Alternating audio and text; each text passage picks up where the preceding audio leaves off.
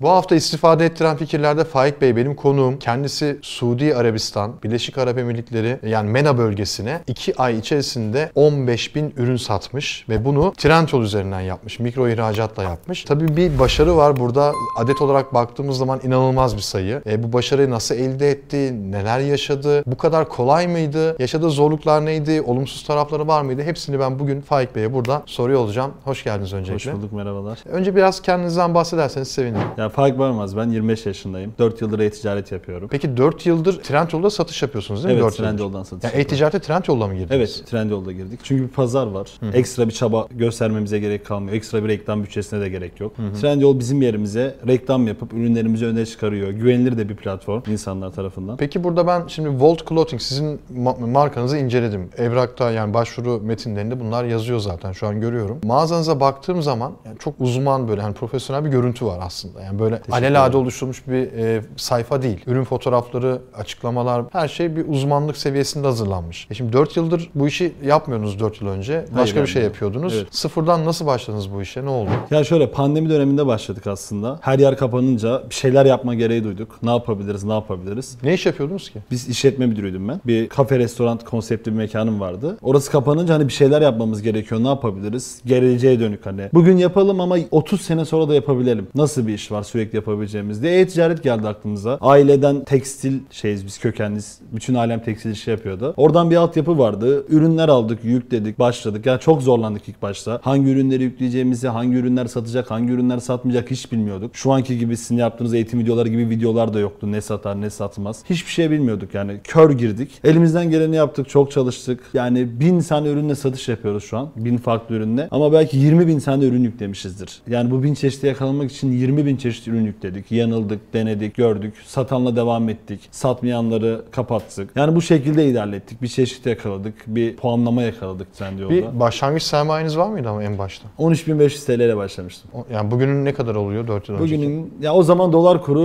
4 liraydı. Aha. Oradan yol 50-60 bin lirasına tekabül ediyor.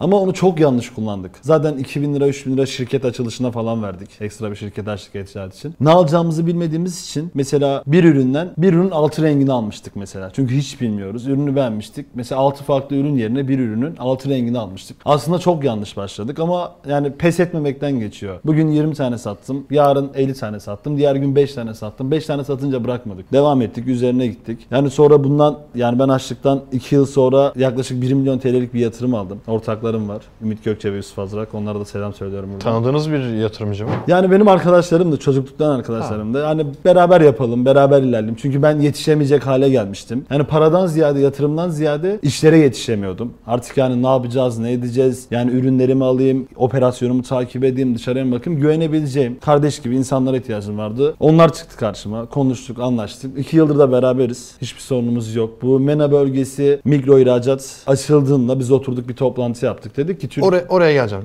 Ha, Ke- ayrı, Çok pardon. Ha, oraya, Tamam. oraya geleceğim. Orası sürpriz olsun. Orayı sona doğru bırakacağım çünkü. Tamam. Ee, biraz merak ettirelim orayı. Tamam. Ee, şunu merak ediyorum. Şimdi markayı yavaş yavaş inşa ediyoruz. Deneme yanılma. Ürünler yüklüyorsunuz. Oluyor, olmuyor. Para lazım. işte yatırımcı geliyor, para veriyor derken artık hani sistemin tam oturduğunu sonuçta tekstil yani siz kadın giyim üzerine uzmanlaşmışsınız şu an ve bunun internetten satışı ile fiziki mağazacılık yani 50 yıllık tekstilciye git de ki hadi sana e-ticaret yapalım beceremez. Evet. Yani internetin tekstiliyle Merter'in, Güngören'in tekstili bambaşka bir dünya. Çok farklı. Ya çok farklı. Ben bunu uzman olduğum için söylemiyorum. Tekstilde gram uzmanlığım yok. Sadece gözlemlediğim kadarıyla söylüyorum. İşte buradaki know-how diyoruz biz buna. Bilgiyi, deneyimi nasıl elde ettiniz yani e-ticaret? Ya şimdi şöyle oldu. Mağazacılık, biz mağazacılığı da denedik. Dedik ki bir mağaza açalım. Buradan sattığımız ürünleri oradan da satalım. Yükleyelim bir showroom'umuz olsun. Böyle içini falan çok güzel dizayn ettik. Güzel bir mağaza açtık ama olmadı. Dediğinize geldi. Apayrı işler. Yani bunu nasıl tarif edebilirim size? Yani şimdi bir ürün yüklüyorsunuz. Mesela kumaş türleri var, takım türleri var. Ne bileyim ya bir 500 tane kategori var. Biz iyi olduğumuz kategorilerin üzerine model eklemeye başladık. Ya da model eklediğimiz bir model var. Çok satıyoruz. Mesela bir trench coat'umuz var. Belki 100 bin adet sattık. Sadece o trench coat'tan Türkiye'ye. 100 bin adet sattık. Ne yaptık? Yanına renklerini ekledik. Ve birkaç tane daha trench coat ekledik. Ama şunu şey yaptık. Mesela bunun yeşil rengini de yapalım. Siyahını da yapalım. Bejini de yapalım. Çünkü şuna geldi olay. Yani şunu biliyorduk. Bir ürün görünüyorsa eğer üstte, en üstte görünüyor ürün. Müşteri zaten onu görüyor. Alt üzerine tıkladığı zaman altta diğer varyasyonlarını da görebiliyor. Oradan diğer renkleri de görsün. Onları da alsın. Bir varyasyon olduğu için, çok fazla renk olduğu için Trendyol da algoritma da bunu öne çıkaracak. Güçlü stok, varyasyon. Yani 20 bin, 15 bin değerlendirme. Yani bu şekilde yaptık aslında. Satan ürünlerin emsallerini yükledik. Basit ürünlerden yola çıktık. Mesela bu sene Barbie çok modaydı. Biz Barbie ürünleri yüklemedik. Çünkü geçici bir moda. Bir sene. Bir sene sonra kimsenin aklına gelmeyecek o moda. Ama biz daha çok klasik, düz. Bugün satabiliyoruz. 10 bin değerlendirme oldu. 2 yıl boyunca sattık. 3. senede satabileceğimiz düz trench coatlar, düz pantolonlar, düz gömlekler. O tarzın üzerine gittik. Bizi bence yani tutturmamızdaki şey buydu yani. Basit ürünlerin üzerine gitmemiz. Uygun fiyat, güçlü stok. Zaten sizin mağazanızda ben gördüğüm kadarıyla bazı ürünlerde mesela şey yazıyor işte en çok kategorinin en çok değerlendirilen Evet, ürünü. en çok favori. Yorum çok geliyor, favori çok geliyor. Hani favori neyse favori bir şekilde geliyor. Zaten mobil uygulamadan notification kampanya bildirimleri gittiği zaman zaten insanlar alması da favoriye ekliyor. Ona çok şaşırmıyorum artık ama özellikle değerlendirme kısmında birinci olmanız o kategoride e, bence muazzam bir başarı. Orada mesela ekstra bir şey yaptınız mı? Daha çok değerlendirme alalım diye kupon mu dağıttınız? Ne yaptınız orada? Ya şimdi şöyle yaptık. Trendyol'da ürün komisyon tarifeleri diye bir bölge var. Diyor ki mesela %21 komisyonla satıyoruz. Bize diyor ki %21 ile satma diyor Trendyol. %10 komisyon alacağız senden diyor. Sen de fiyatı düşür diyor. Biz hiç artısına eksisine bakmadık. Yani 20-30 lira parça başı fazla kazanalım demedik. Mağazamızı öne çıkaralım dedik. Ürünün mesela bir kampanya dönemi bir hafta sürüyor. Bir haftada o üründen 5000 adet 6000 adet satıyoruz ve bunun %10'u yoruma dönse yine 500-600 yorum yapmış oluyor. Yani bunun üzerine gittik. Yani kafada 10 tane ya da 5 tane ürünümüz kafada olsun dedik. Çok fazla değerlendirme. Hem mağazaya güven açısından hem de algoritma bizi yukarıda tutsun. İnsanlar o ürüne tıklasın. Sonra Volt Clothing'e girsin. Diğer ürünlerden de alsın. Sadece yukarıda görünelim. Amacımız buydu. O yüzden her kampanyayı değerlendirdik. Her indirime girdik. Yani bu şekilde ilerledik. Tabi burada marka olmanın verdiği bir avantaj da var. Şimdi Volt Clothing dediğiniz için soruyorum. Volt Clothing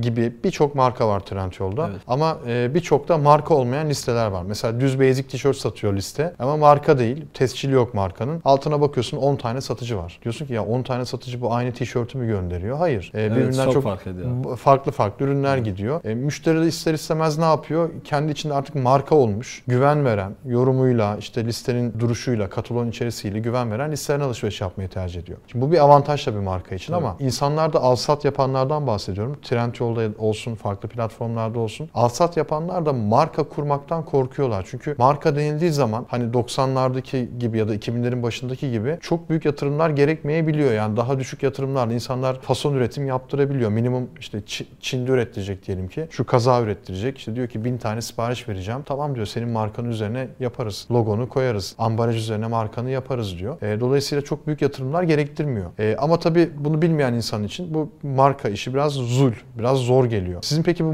marka ilk 2019 demiştiniz değil mi? 2019'da ilk Volt Clothing olarak marka yapalım dediğinizde e, nasıl bir maliyet çıktı karşınıza? Yani çok zor muydu, kolay mıydı sizin için? Ya aslında şimdi şöyle yaptık. Dediğim gibi tekstil altyapısı olduğu için ilk etapta bir etiket bastırdık. Volt Clothing olarak etiket bastırdık. Dışarıdan aldığımız ürünlere kendi etiketlerimizi vurduk. Çünkü işe çok daha yeni başladık. Yani etiket yaptırayım, ürünleri kendi adıma üreteyim gibi bir şey söz konusu değil. Zaten o adetleri de yakalayamıyoruz. Mesela ben gidip 10 tane ürün alıyorum. 10 tane ürünü kimse bana özel üretmez. Ekstra etiket yapmaz. Biz o etiketleri söküp üzerine kendi etiketlerimizi yapıştırarak başladık. Ama bu, bu süreçte mesela bütün ürünleri kendimiz yapıyoruz. Kendi imalatımız zaten. Fabrikadan çıktığı zaman direkt Volt Clothing etiketli çıkıyor. Ekstra bir yatırım yani dediğim gibi ekstra bir şey yapmadık. Öyle başladık. Üzerine koya koya gittik yani. O şekilde Yani söyleyebilirim. fason ürettiriyorsunuz değil mi? Yok ben ya kendimiz üretiyoruz. Kendi bünyemizin altında. Ha, kendiniz yerinize dikiliyor. Tabii kendi yerimizde Kumaş dikiliyor. sadece alıyorsunuz. Evet kumaşı alıyoruz. Hazır hale getiriyoruz. Müşterinin şeyine göre ayarlıyoruz. Mesela bir ürün alıyoruz. Müşteriler diyor ki tesettür bir takım satıyoruz. Kısa diyorlar mesela. Ne yapıyoruz? Üretim kendi elimizde olduğu için 5 santim boyuna ekliyoruz. Ya bunlar çok büyük avantajlar. Böylece hani değerlendirmeleri yukarıda tutuyoruz. Dördün üzerinde tutmaya çalışıyoruz elimizden geldiği kadar. Kendimiz ürettiğimiz için de stoktan yana da bir problem olmuyor. Bir ürün alıyorsunuz. Dönüyorsunuz. Tedarikçisinde o ürünü bir daha bulamıyorsunuz. Bizde öyle bir şey olmuyor. Zaten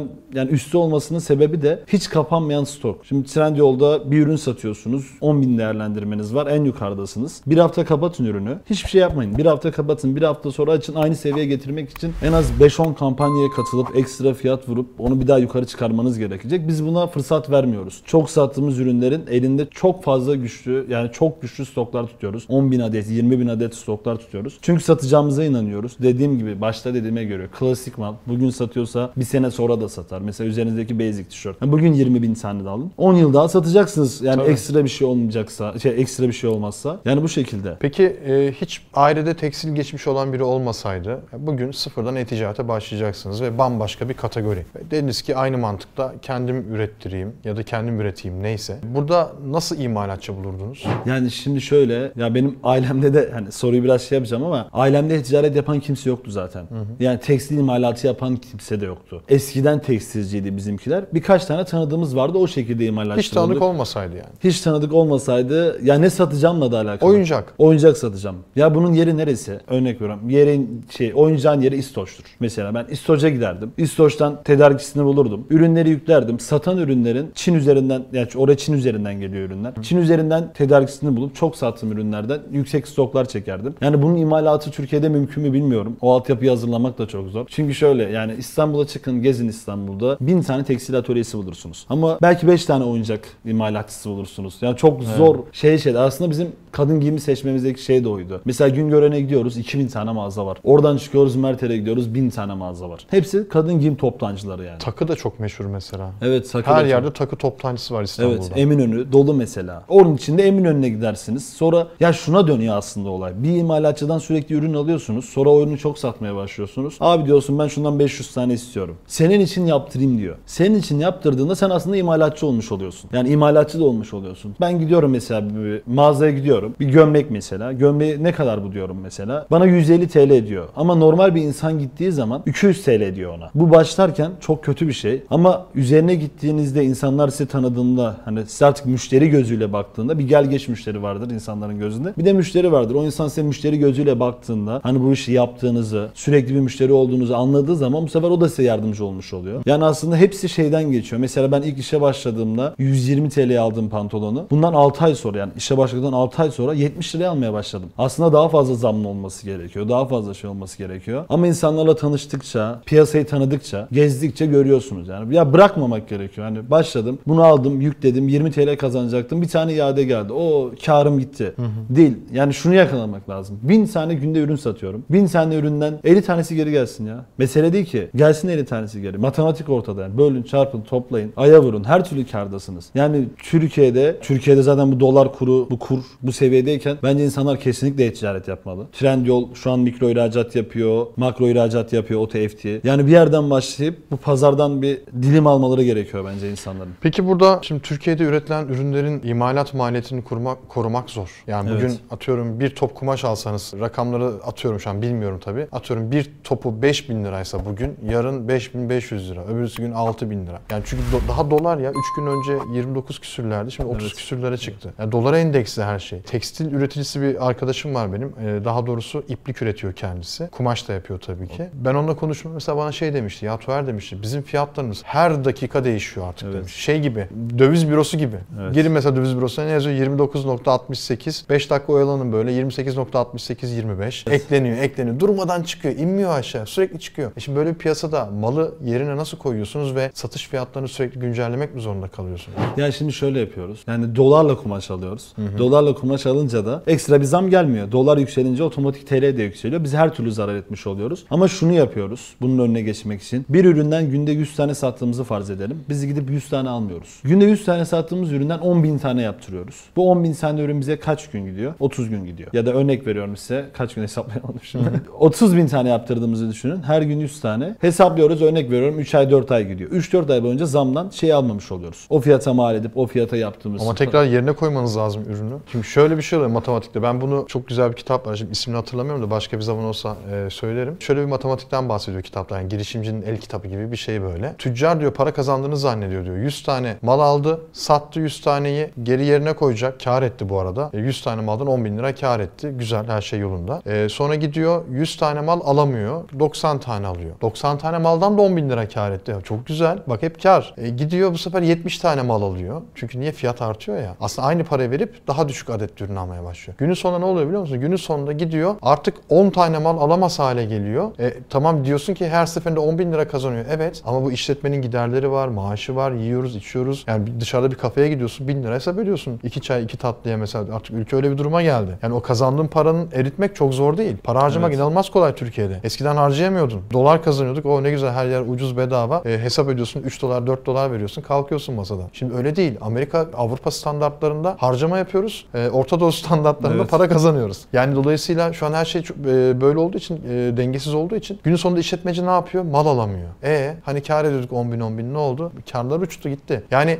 demek istediğim şu şey şu. Evet bir yıl iki yıl böyle amorti ediyor bir şekilde stoklar azalsa da mal satabiliyorsun ama 3. 4. yıla geldiğin zaman ya biz ne yaptık parayı nerede yedik? Biz niye mal alamıyoruz? O duruma geliyor insanlar. O yüzden aslında sormak istedim. Yani o, çünkü şey de var mesela sigaradan örnek verelim. En çok hani satın alınan tekerlerde sigaradır değil mi? Paket sigara. İçmediğim için fiyatları bilmiyorum da atıyorum 50 lira fiyatı. Tekel diyor ki ya diyor zam yaptım diyor 55 oldu diyor. Şimdi biz tekele şey bakkala kızıyoruz ya kardeşim senin stonda olan sigara sen niye 55 yapıyorsun? Sen onu 45'ten aldın 50'ye satsana diyor mesela insanlar değil mi? Yapamaz ki. Onu 55'e satsın ki adam tekrar dönüp aynı adette sigarayı tekrar satın alsın dükkanına koysun. Aynı mantık aslında. Yanlış mı? Yok doğrusunuz ama şöyle. Şimdi konudan biraz sapacak bu konumuzdan ama sana şöyle izah edeyim o durumu abi. Sen de şey yap. Nasıl oluyor diyorsun ya. Mesela şimdi şöyle yapıyoruz. Ya burayı kaydetmeseniz de olur. Şey değil. Ben size sorun bu, bu sorunuza cevap vermek istiyorum. Diyorsunuz ya nasıl oluyor diye. Her şeye zam geliyor. Biz şimdi şöyle yapıyoruz. 5 milyonluk ürün aldım. 5 milyonluk ürünü aldım. Koydum köşeye sattım. Bir ayda parayı çevirdim. Tamam mı? 5 milyon param var. O 5 milyonu alıp başka bir şeye yatırıyoruz. Tamam mı abi? Ürüne değil. evet başka bir şeye Ha, yatırım yapıyorsunuz yani. Yatırım yapıyoruz. Ondan sonra o yatırımı satıp ürün alıyoruz. 2 ay sonra. Ha o olur. ne demek istedim ya bunu konudan şey şöyle şey söyledim. Olur, öyle olur. Yani bunu o kadar büyük çapta yapan o kadar çok firma var ki. Tabii küçük çapta olanlar için çok mümkün değil abi. Onlar da zaten eskiden biz 10 lira karlı ürün satıyorduk mesela. Şimdi şey diyoruz 50 lira karla satacağız. Çünkü bu ürüne 10 lira da zam payı koyuyoruz. 15 lira da zam payı koyuyoruz. Çünkü buna zam gelecek. Ben bu ürünü bir aldığımda bir daha alamayacağım. İkinci avantajımız da şu oluyor. Çok fazla stok aldığımız için bir dahaki zama kadar zaten çevirmiş oluyoruz. Yani adam bize şunu söylüyor. Diyor ki bu mal diyor 120 bin tane ya 12 bin tane mal aldığımı düşünün. Bu mal bana 2 ay yetecek. Ben sürekli imalatçılarla sürekli toptancılarla iç içeyim. Her gün gidiyorum konuşuyorum. Diyorlar ki bu mal 200 liradan 230 olacak bak haberin olsun diyor. Ben ne yapıyorum? Elimdeki malı direkt 230 görerek satıyorum. Yani çünkü şey yapmıyorum. Aa ben bunu 200 aldım. Bunu 200 görüm değil. Mesela depomuzda şu an örnek veriyorum size 20 milyonluk stok var. Biz bu stoğu 20 milyon hesaplarken aldığımız fiyattan değil şu anki fiyatından 20 milyon hesaplıyoruz. Öyle olması lazım. Yani eğer bunu yaparsanız çok fazla zarar edeceğinizi düşünmüyorum yani. Mala zam geldiği an elinizdeki mala zam uygulayacaksınız. Trendyol'da tam bu dönemde aslında enflasyonun tavan yaptığı dönemde bu mikro ihracatı çıkarttığı için biraz da aslında Trendyol satıcıları için bir nefes alma alanı oluştu. Ki e, sohbetimizin öncesinde siz de söylemiştiniz ya ben Türkiye'de o kadar çok satamıyorum. Yani çok satmıyorum. Kaç adetti günlük? 100 Yani günlük 100 adet 100 satıyorum. civarı ama Suudi Arabistan'a, MENA, MENA bölgesine, Arap Emirlikleri vesaire çok ciddi on binlerce satış yapmışsınız mesela. Bu nasıl oldu? Ya bu biraz da bizim politikamızla alakalı ya. Dediğim gibi hani oturduk ortaklarımla düşündük. Ne yapalım dedik. Hani Türkiye'ye gönderiyoruz. Şimdi MENA bölgesinin çok fazla avantajı var. Mikro ihracatın. KDV %0. Ekstra olarak iade yok. Yani şu ikisi zaten can alıcı. Sizde iade %10'dur zaten evet Türkiye'de yani mi? %10 ortalama evet %10 iade var. Orada %10 kârdasınız. Evet %10'la KDV'den kardayız.